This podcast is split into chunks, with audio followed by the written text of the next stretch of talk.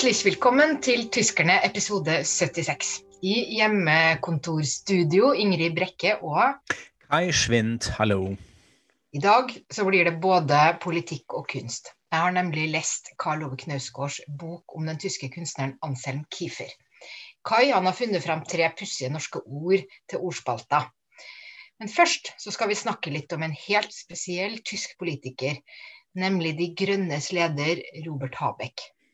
De Grønne har to ledere, Habeck og Anna-Lena Baerbock. Eh, De Grønne er også landets nest største parti, og de skal for første gang stille en kanslerkandidat i valget til høsten. Om det blir Habeck eller Baerbock er ikke bestemt. Du har vært eh, spesielt interessert i Robert Habeck, Kai. Kan du si litt om hvem han er? ja, jeg har blitt litt sjarmert av Robert Habeck, det, det, må jeg innrømme. Hvem blir ikke det? Ja. Ikke sant, når man har hørt på han. Nei, altså det er litt, litt interessant, fordi Habeck kom jo frem i tysk politikk etter jeg hadde flytta til Norge eh, en del år eh, siden. Uh, og spesielt disse første årene så har jeg nesten med vilje ikke fulgt så mye med hva som gjelder tysk politikk, fordi jeg skulle integrere meg her i Norge og bare ja. bli opptatt av norske ting. Uh, så plutselig var han der. Dette var jo kanskje litt annerledes for deg som var i Tyskland og har kanskje observert han, uh, observert han litt tydeligere og tidligere. Men uh, hvem er uh, Robert Habeck? Vi kan jo ta litt fakta først. Habeck er født i Lübeck i Nord-Tyskland i 1969, så han er ganske ung sammenlignet med store deler av politikere i Tyskland. og noe annet som skiller han fra mange politikere, er at biografien hans, altså både privat og da kanskje enda mer yrkesmessig, er ganske annerledes. Han er ikke jurist eller lærer eller økonom som så mange andre politikere, på tvers av partiene, faktisk. Men han er altså filosof og forfatter.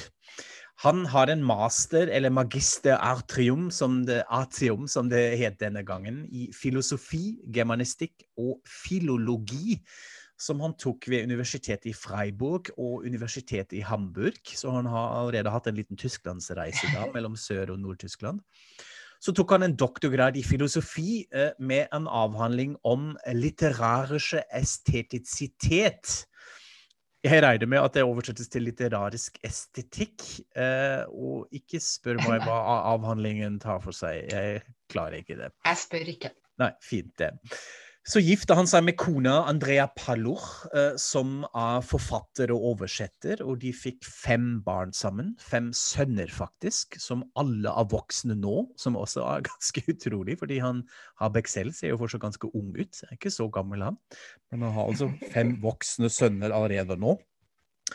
Så er det litt gøy, fordi han og kona har gitt ut mange bøker sammen. Eh, jeg har prøvd å finne ut hva bøkene handler om, eh, eh, fordi jeg har ikke lest noen av de selv. Dette er altså en del barnebøker, så noen diktsamlinger, men også en del romaner. Og de handler vel, ja, kan man si, mest om hvorvidt ulike mennesker er påvirket av miljøet de kommer fra. Og så handler de også en del om personlige friheten og ambisjonene man har i livet. Ja, Han har jo også skrevet flere bøker alene. Og ja, den nyeste den ligger akkurat nå på bestselgerlistene, og den heter von hier an anders, altså fra nå, nå skal det bli annerledes. Mm -hmm. Og den handler bl.a. om um, pandemien. Mm. Ja, han har jobbet veldig mye mer med sånn Zeitgeist-tema i, i, det siste, som, som, også selvfølgelig påvirket at han da ble politiker til slutt. Uh, en siste fun fact om Robert kanskje er at han snakker flytende dansk. Uh, dette er kanskje ikke så uvanlig for folk fra Schleswig-Holstein. Man har jo en dansk minoritet i Schleswig-Holstein, som faktisk også har et eget politisk parti, som er ganske morsomt.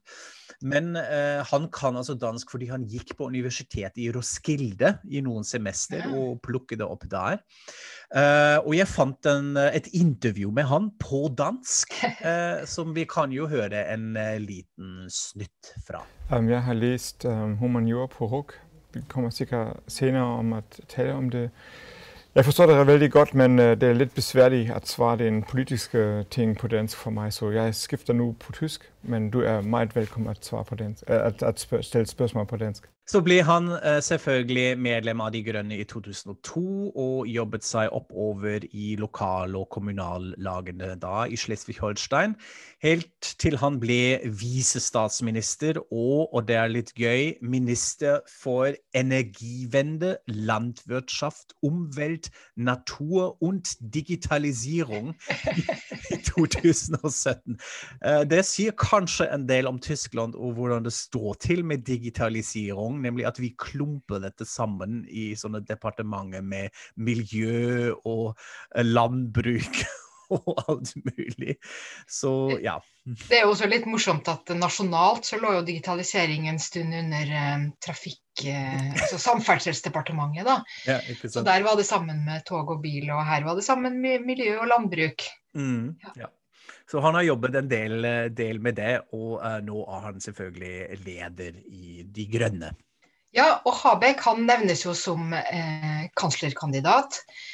Og eh, siden de er to ledere, eh, så er det jo bare én av dem som, eh, som, kan bli det. Og hva det betyr, og hvordan de skal komme frem til hvem, det kommer vi til å snakke mer om senere, for det er også utrolig spennende. Denne gangen så skal vi, ikke, skal vi legge Berbok litt til side, mm. og så skal vi bare snakke om Habek. Og det er også fordi at han han har en sånn måte å være på som politiker som er veldig annerledes. Og dette kan man se når man følger debatter og følger med i tysk politikk. Og det er kanskje det som er det mest fascinerende med, med Habek, eh, Kai.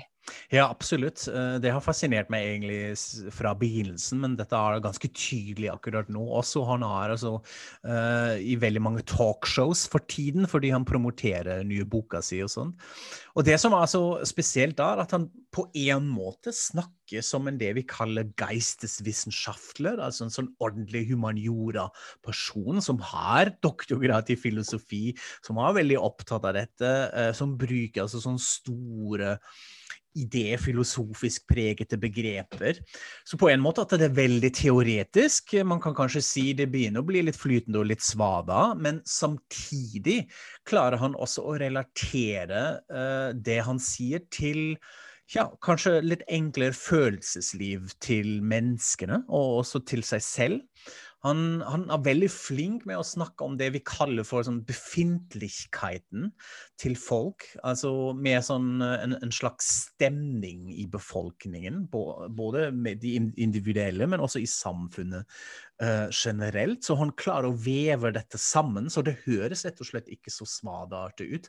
Det er ganske rett fram, egentlig, selv om man snakker egentlig om sånne store temaene. Så er jeg litt fascinert at han da også er veldig flink til å bruke sånne anekdoter fra sitt eget liv. Altså nå I de talkshowene promoterer jo han denne koronaboken. og Da snakker han om sånne opplevelser som han har hatt, som har reist i Tyskland, rundt i Tyskland nå på tog under pandemitiden og har møtt folk. og Da er det, han møter han den opphissete stemningen. Folk som er sure og kommer bort til han og klager og konfronterer han, og iblant blir det ganske ekkelt. Han har altså fått en sånn drapstrussel på perrongen på en togstasjon, hvor en mann kommer bort til han og sier sånn Du burde drepes. Og så bruker han det som utgangspunkt til en mer sånn abstraherende uh, gjennomgang av hvordan står det til med Tyskland egentlig i dag, og hvordan påvirker det språket egentlig i det offentlige ordskiftet, hvordan vi har det. Så når han legger ut, så handler det veldig mye om, om ansvar og om, om etikk, uten at det da blir sånne forelesninger om man kjeder seg. Ja, nei, Jeg har jo blitt litt smitta av din fascinasjon, og jeg har da lest en bok eh, som ja. Havøk har skrevet, faktisk. -hmm. eh, ikke denne nyeste, men en som kom i 2018, mm -hmm. som heter 'Where we sign Cunton', altså hvem vi kunne være. Og Her skriver han nettopp om dette politiske språket. Da. Så har, Det virker som det er en sånn tråd i hele hans politiske engasjement. Eh, han skriver om hvordan eh, politikere eh, og samfunnsdebatten bør bør føres Altså man bør bruke et språk som er forståelig, åpent og inkluderende. Og det er egentlig ikke så, altså Bakgrunnen for at han skrev den boka, det er egentlig ganske naturlig kanskje for en filosof som også er politiker. Mm. Nemlig at han anser språk som politikk og språk som politisk handling. Så hvordan vi snakker sammen, det definerer eh, samfunnet vi lever i. Og dette, dette, med hvordan debatten de siste årene har blitt forråa med hat og hets og alt dette, det er jo et tema både i Tyskland og men vi kjenner det jo godt fra Norge òg. Mm. Men i boka så går på en måte Habek enda lenger. Han ser på hva slags ord og begreper man velger. Eh, og han ser egentlig også på selve liksom, den politiske argumentasjonsformen. Altså er det egentlig lurt for samfunnet og sunt for samfunnet at politikere debatterer ved å slå hverandre i hodet med fakta, eller det at man er så utrolig opptatt av tall. Altså Burde man ikke føre en politisk samtale som, som er mer en sånn mål om å, å nå større innsikt sammen, der man skal lytte mye mer, og der egentlig man ønsker å komme fram til de klokeste, beste kompromissene og, og konsensuspolitikken. Uh, så jeg ble, jeg ble, veldig betatt av denne boka. Den er også kjempelett å forstå. Han skriver jo ikke på sånn filosofisk komplisert måte, han skriver med veldig korte setninger. Lett for en utlending å, å lese.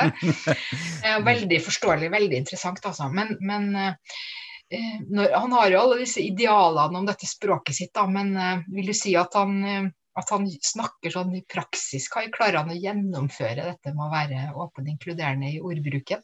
Ja, absolutt, det vil jeg si. Altså, han driver nok med en slags sånn metaetikk når han er i mediene, og han er jo veldig godt likt også uh, av alle disse toppjournalistene som har eget talkshow, som Anne Will og May-Britt Ilner og Markus Lanz og alt de der. Uh, fordi han er en sånn kul sparingspartner i å, å, få frem noen ideer og utvikle også en samtale samtidig som man har denne samtalen. Så jeg syns han gjør det uh, absolutt, og jeg har hatt et sånn eksempel nå eh, hvor han var gjest i NDR Talkshow og snakker med Giovanni Di Lorenzo, som er jo uh, en veldig kjent journalist uh, i, Tyskland. og De snakker bl.a. om boka hans, og han forteller disse anekdotene. Men da kommer det også frem at han har altså bedt Lorenzo om å legge bort disse kortene som programledere gjerne har i hånda, hvor de har notater og, og spørsmål og sånn. For at man ikke skulle følge den strukturen man hadde bestemt på forhånd? Absolutt det, hvor han sier, sier, dette. Og Lorenzo tar det også opp etter hvert og sier se, har jeg ikke vært flink nå å ikke bruke disse kartene mine som du ba meg om? Uh, så sier han jo, er ikke det så bra, vi hadde nå en helt annen type samtale. Uh, vi så hverandre i øynene, og du fulgte ikke nødvendigvis den planen, men vi hadde en egen, kanskje litt mer ærlig samtale.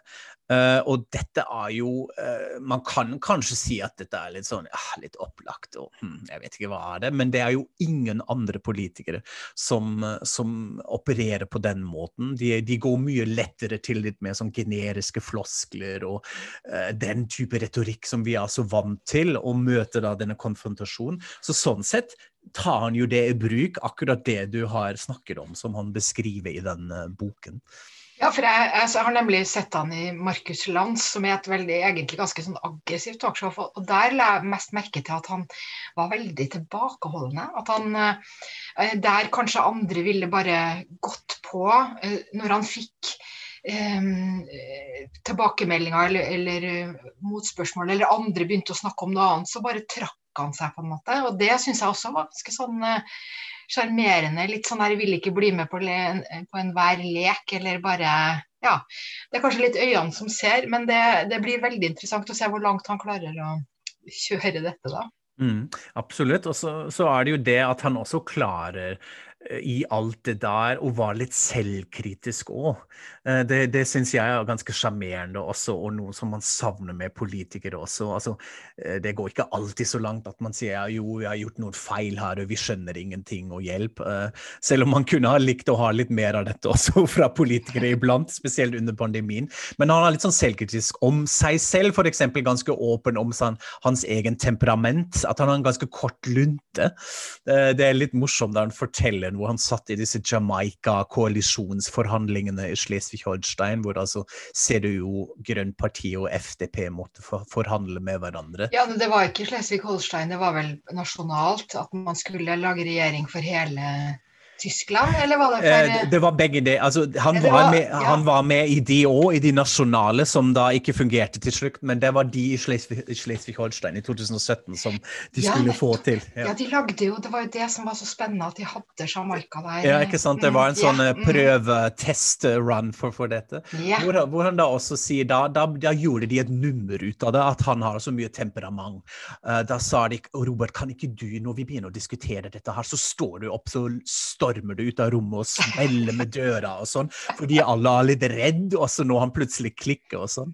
Eh, og det, det sier han da på et talkshow, ganske åpen og ærlig, som gir et litt sånn innsyn inn ok, hvordan disse koalisjonsforhandlingene går for seg, hvor jo presse og medie ikke har lov å være med, egentlig. Så dette syns jeg også var veldig, veldig sjarmerende. Eh, Men Da kan han jo ikke bruke dette trikset i fremtida, da, for nå har han jo avslørt det. Det er litt dumt, så eh, nå er sikkert alle forberedt. Og det er jo det store spørsmålet. Hvordan klarer en politiker, både med den intellektuelle eh, bakgrunnen, med eh, følelsene litt sånn på overflaten Han har jo også uh, gått fra Twitter og Facebook fordi han hater hvordan det diskursen er der. Altså Han har slettet sin konto, og han er ikke med der. Altså Går det an? Fungerer det for en sånn politiker å bli kansler? Vi får se. Som sagt, dette snakker vi om eh, en annen gang. Men vi liker Robert Habeck, det trenger vi ikke å legge skjul på her. Vi er fans, kanskje. Altså, eller nå snakker jeg litt mer for meg, kanskje. Men, men apropos eh, bok, du har jo lest enda en bok, Ingrid. Du har forberedt deg veldig godt eh, til denne gangen. Eh, Karl Ove Knausgårds bok om Anselm Kiefer, den tyske billedkunstneren. Fortell, hvordan er den? Jo, nei, jeg tenkte jo det at eh, siden jeg her i en tidligere podkast sa at jeg bare tenkte på politikk, så fikk jeg et visst behov for å vise frem at det heldigvis ikke er helt sant, da. Jeg er jo også interessert i kultur. Ja, det kan jeg bekrefte, det stemmer. Og jeg har jo som Knausgård vært eh, ganske fascinert av kunstneren Anselm Kiefer. Eh, I Norge er han kanskje mest kjent for å ha lagd den derre gigantiske bokhylla av bly som står på Astrup Fearnley-museet i Oslo. Eh, han er eh, født helt på slutten av krigen, men jobber for fullt eh, fortsatt. Og lager veldig sånn der gigantisk kunst. Altså store malerier av landskaper. Eh, typ, type sånn tre ganger fire meter og sånn. Eh, og de er også ofte grå, eh, og han bruker mye bly også i maleriene. Han lager installasjoner.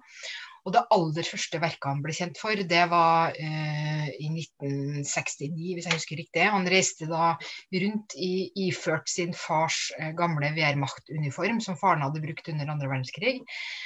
Og så dro han til forskjellige land som Tyskland, eh, Nazi-Tyskland hadde okkupert. Og så gjorde han sånn Hitler-hilsen og tok bilde av det. Så dette skapte, vakte jo stor eh, furore, da. Så eh, Knausgård han tok kontakt med Kiefer fordi han skulle skrive en artikkel om han for eh, The New York Times Magazine. Eh, og da har eh, arbeidet med den artikkelen, altså både det han på en måte kom fram til som skulle stå i artikkelen, men også hvordan han jobba med artikkelen og alle disse møtene mellom disse to, det har da blitt til denne boka som heter 'Skogen og elva'. Og det er litt sånn derre eh, krøkkete, rar eh, altså, bok å, å si så mye om. Fordi på den ene sida så er Knausgård en veldig god eh, observatør.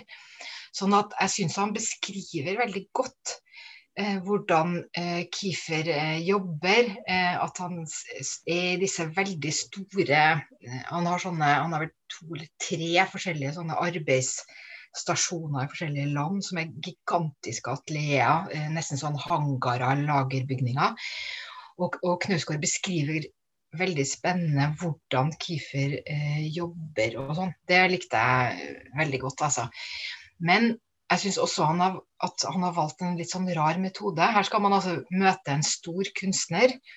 Så er det akkurat som om det er veldig fint å ikke vite noe særlig på forhånd. Altså Han skal på en måte bare skrive om disse møtene mellom da denne store billedkunstneren og seg selv, underforstått uh, interessert forfatter og, og sånn. Og så kan man også si at ja, ja, Knausgård er en stor og verdensberømt forfatter som kanskje er interessant for oss i seg selv. Eh, sånn at det, det, er mye med de møtene som kan være litt eh, spennende. Men eh, eh det blir veldig sånn banalt og platt, og jeg merker at jeg bryr meg ikke så veldig mye om at Knausgård er litt er nervøs, eller altså Det blir for mye sånn tjafs rundt, um, syns jeg. Mm. Altså Kan man si at det handler da mest om Knausgård selv, enda en gang? Hvordan jeg har hatt det da jeg møtte Anselm Kiefer? Det, så langt skal man ikke gå. Det blir litt mhm. for, eh, for uh, stygt, kanskje. Men jeg syns det er rart at det ikke er mye mer sånn rundt og om og sånn. Mm -hmm, okay. um, og det er jo en slags dårlig skikk det der å kritisere bøker for hva de ikke er. Nå har jo Knausgård valgt å gjøre det sånn, men jeg syns det er rart å skrive en bok om Anselm Kiefer som nesten ikke handler om Tyskland, som nesten ikke handler om historien, og som nesten ikke handler om andre kunstnere. Mm. Han, han, står jo i en sammenheng, både historisk og kunstnerisk og sånn. Og, og, det er jo helt påfallende med Kiefer at han er, han er, mye større i utlandet enn i Tyskland. Altså både i Frankrike og USA og mm. Israel annet har han jo vært eh, har fått mye mer sånn vakt mye mer furore, da. Og blitt hylla mye mer i Tyskland. Er han mer, mer problematisert kanskje, og oppfattes kanskje også litt mer sånn kitschaktig. Eh, mm. eller, eller, stemmer det, eller hva er det? De... Jeg, absolutt, jeg vil, jeg vil, si at det, det, er spot on hvordan man ser på han i dag. Og så er det noe med en sånn relevans som kanskje ikke er lenger på plass som det var før, kanskje på 60- og 70-tallet. Eh, hvor han da altså var mest kjent for, som en billedkunstner som er veldig opptatt av de store historiske linjer, liksom på godt og vondt, litt som du var inne på. Det var jo så mye bråk rundt uh, aksjonene hans. Og i det siste handler hans verk veldig mye også om religion og mytologi. Eh, så han har gått litt bort fra dette. Men så forbinder man han også med Josef Boyce, selvfølgelig, som uh, var en sånn slags mentor uh, for Kiefer, hvor de har altså jobbet frem dette med sånn materialer og tekstur som på en måte er veldig konkret, men som da lades opp med en sånn abstrahert betydning. Liksom. De, de linjene trekker man mellom de to kunstnerne, men dette er altså også veldig sånn 60-70-tallet. Ikke lenger ja, plass. Kommer, han kommer litt inn på det i boka det med Josef Boyce, fordi eh, eh, man sier jo ofte at Kiefer var eleven til Boyce, men han, mm. Kiefer selv har jo sagt at eh, han ringte til Boyce og ba om å få bli eleven hans, eh, og mm. det fikk han jo. Men, det, men Boyce han hadde sånn policy på at han sa jo ja til absolutt alle, så det var jo sånn 400-500 stykker som hang rundt og var eleven til Boyce. og og, og, det var vel ikke så mye oppmerksomhet hver enkelt uh, kunne få, da. Ja, okay. Ah, okay. ja fordi da, da, passer det litt med det jeg tror jeg leste en gang også, at han egentlig aldri har vært i Düsseldorf hos Boys og faktisk har jobbet sammen med hans. Okay. Men at han var i eget atelier i Ordenwald og etterpå i utlandet også og jobber der. Og de har møtt selvfølgelig, men ikke jobbet sammen, faktisk. Og da stemmer jo det. Ja, ja. Ja, vi kan dele artikkelen som Knausgård til slutt skrev for The New York Times Magazine på vår Facebook-side. Den kom, i, kom, for et år siden. Og så går vi over til dagens eh, siste post, nemlig ordspalta. Og i dag er det du som har med deg tre eh, ord, eller egentlig to ord og et uttrykk eh, i ermet, Kai. Helt riktig. Jeg har på en måte samlet litt uh, norske ord og uttrykk som uh, jeg har møtt i de siste ukene, uh, og tenkte egentlig kan jeg litt sånn avklare de med deg, Ingrid, nå her, om jeg har skjønt de riktig. Jeg tror jo forstår de alle, men det er fint med en sånn dobbeltsjekk som vi gjør her. Fasit. En slags fasit, mm. så jeg snakker ordentlig norsk. Helt riktig. Det første ordet som jeg har hørt veldig mye i det siste, uh, og jeg er egentlig litt usikker hva det skyldes, uh, er ordet febrilsk. Uh, dette dukker altså opp veldig mye i media, at et eller annet var febrilsk, og noen har vært veldig febrilsk i forbindelse med en redningsaksjon osv. osv. Hvor jeg først tenkte ja, ok, hva er det? Altså, på tysk vil jeg oversette det med, med fiberhaft.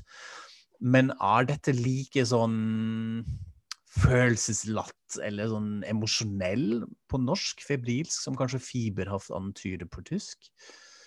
Altså, jeg vet ikke altså, jeg vet, vet, ikke helt om jeg skjønner fiberhaft. da, fordi at du har, jo, mhm. du har, jo, et ord som er sånn Du kan jo si at det er noe som er feberaktig. Mm -hmm. Og det vil jo kanskje bety at man er litt sånn kaotiske eller hallusinerer eller er litt mm -hmm. der.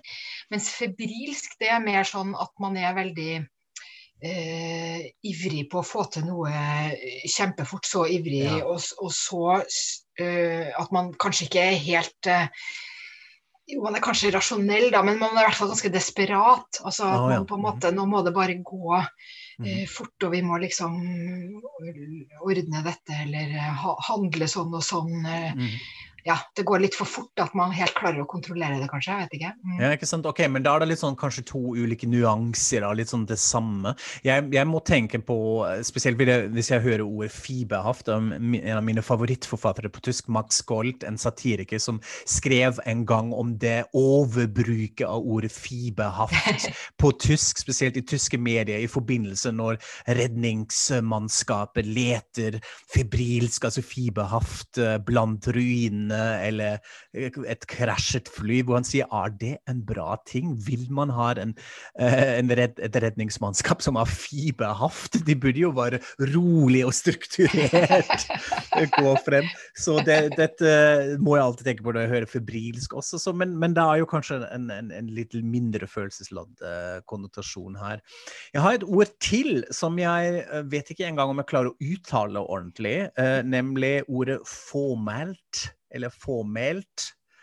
Syns det gikk bra. Fåmælt, ja. Ja, ok. Ja. Så du mm. vet, du skjønner hva jeg mener? Ja, eh, eh, absolutt. Eh, når jeg slo det opp, så landa jeg på Schweigsam på tysk. Som igjen er litt usikker om dette matcher sånn 100% Jeg har hørt dette bare brukt veldig få ganger, fåmælt. Ja. Og det er vel ikke så vanlig, eller? Nei. Altså, jeg, jeg, ville nok aldri bruke det sånn selv, tror jeg. Mm -hmm. eh, jeg vet ikke om det er fordi det er litt gammeldags, det tror jeg kanskje ikke. Men det er mer da, ja, det er kanskje litt sjeldent. Og jeg oppfatter ordet som en sånn personkarakteristikk. Altså det er noe man er. Man kan være en fåmælt person eller en skravlete person. Mm -hmm. ikke sant? En som snakker lite eller en som snakker mye. Mm -hmm. Og det er ikke Altså det betyr jeg ville f.eks. ikke si fåmælt om noen som deltar i en debatt og sier lite. Eh, for en gangs skyld, på en måte. Jeg vanligvis snakker mye, men sier litt lite. Da vil jeg si, heller si mer sånn at man er mer taus enn vanlig, eller mer stille enn vanlig, ja, eller, okay. eller, et eller annet sånt. da. Ja. Så jeg vet ikke om schweigsam er det samme, eller om, eller om det Jeg oppfatter kanskje at det ikke er så knytta til personlighet. Mm strekk, men jeg vet ikke. Ja, men da er jeg enig, egentlig. Da kanskje sånn formelt litt mer, gå litt mer løs på personligheten, hvor man kanskje kan si det er en mer introvert person også. Ja, jeg eh, tenker sånn, men mm. Eh, ja, det må selvfølgelig dere som hører på oss, eh, rette oss. Nå er vi litt usikre både på norsk og på tysk, som kunne ha vært en fin undertittel til denne podkasten. Litt usikre på norsk og på tysk, som jo iblant. Det siste jeg har, er et slags uttrykk, vil jeg si, som jeg syns bare er, Jeg skjønner hva det betyr, men jeg syns det er bare så Det er utrolig vakkert. Nemlig å skynde seg langsomt. Det syns jeg er ja. veldig fint. Og det har vi Hvis jeg Igjen usikker på tysk. Jeg tror ikke vi har dette på tysk, eller en, en slags variant av dette. Um, sich langsam beeilen. Kjempefint. Altså man, eh, vet du om det kommer fra Er det, sånn, er det et sitat, eller det, har det noe litterarisk opphav, eller er det bare et kjent uttrykk? Ja, dette burde jeg selvfølgelig visst, da. Eh, det vet jeg ikke. Men, eh, nei, jeg, men jeg er helt enig. i Det mm. veldig bra, det er et veldig bra beskrivende uh, uttrykk, da. Som, uh, som, uh, som er på en måte presist. Mm. Eller som er presist, fordi det beskriver akkurat en sånn prosess der man eh, egentlig burde skynde seg veldig fort og ha det veldig travelt fordi det er kjempeviktig, men fordi det er så ville være så alvorlig hvis man gjorde noen feil, mm -hmm. så må man skynde seg langsomt. Man Ja. gjøre det sakte for at det skal gå bra. Mm. Ja, jeg tenker i hvert fall at det er det det betyr. da. Nå blir jeg jo Ja. blir alltid, Hver gang jeg sier noe om språk, så blir jeg alltid veldig usikker. Nei, Men det er sånn, akkurat sånn har jeg tolket det også, og det er det, akkurat det som jeg syns er så vakkert. Og så kan vi jo kanskje, siden det er siste ord her nå, og vi lander episoden her, trekke en linje tilbake til Robert Habeck, fordi det minner meg også om noe som han sa i en av de intervjuene som jeg har eh, hørt på, hvor han nemlig sier politisk forandring må egentlig skje sakte iblant. At han mener det er en slags feiloppfatning som mange politikere har. Man pusher gjennom ting for fort. Og at det rett og slett er noe som må skje litt saktere, og som må skje fra flere kanter.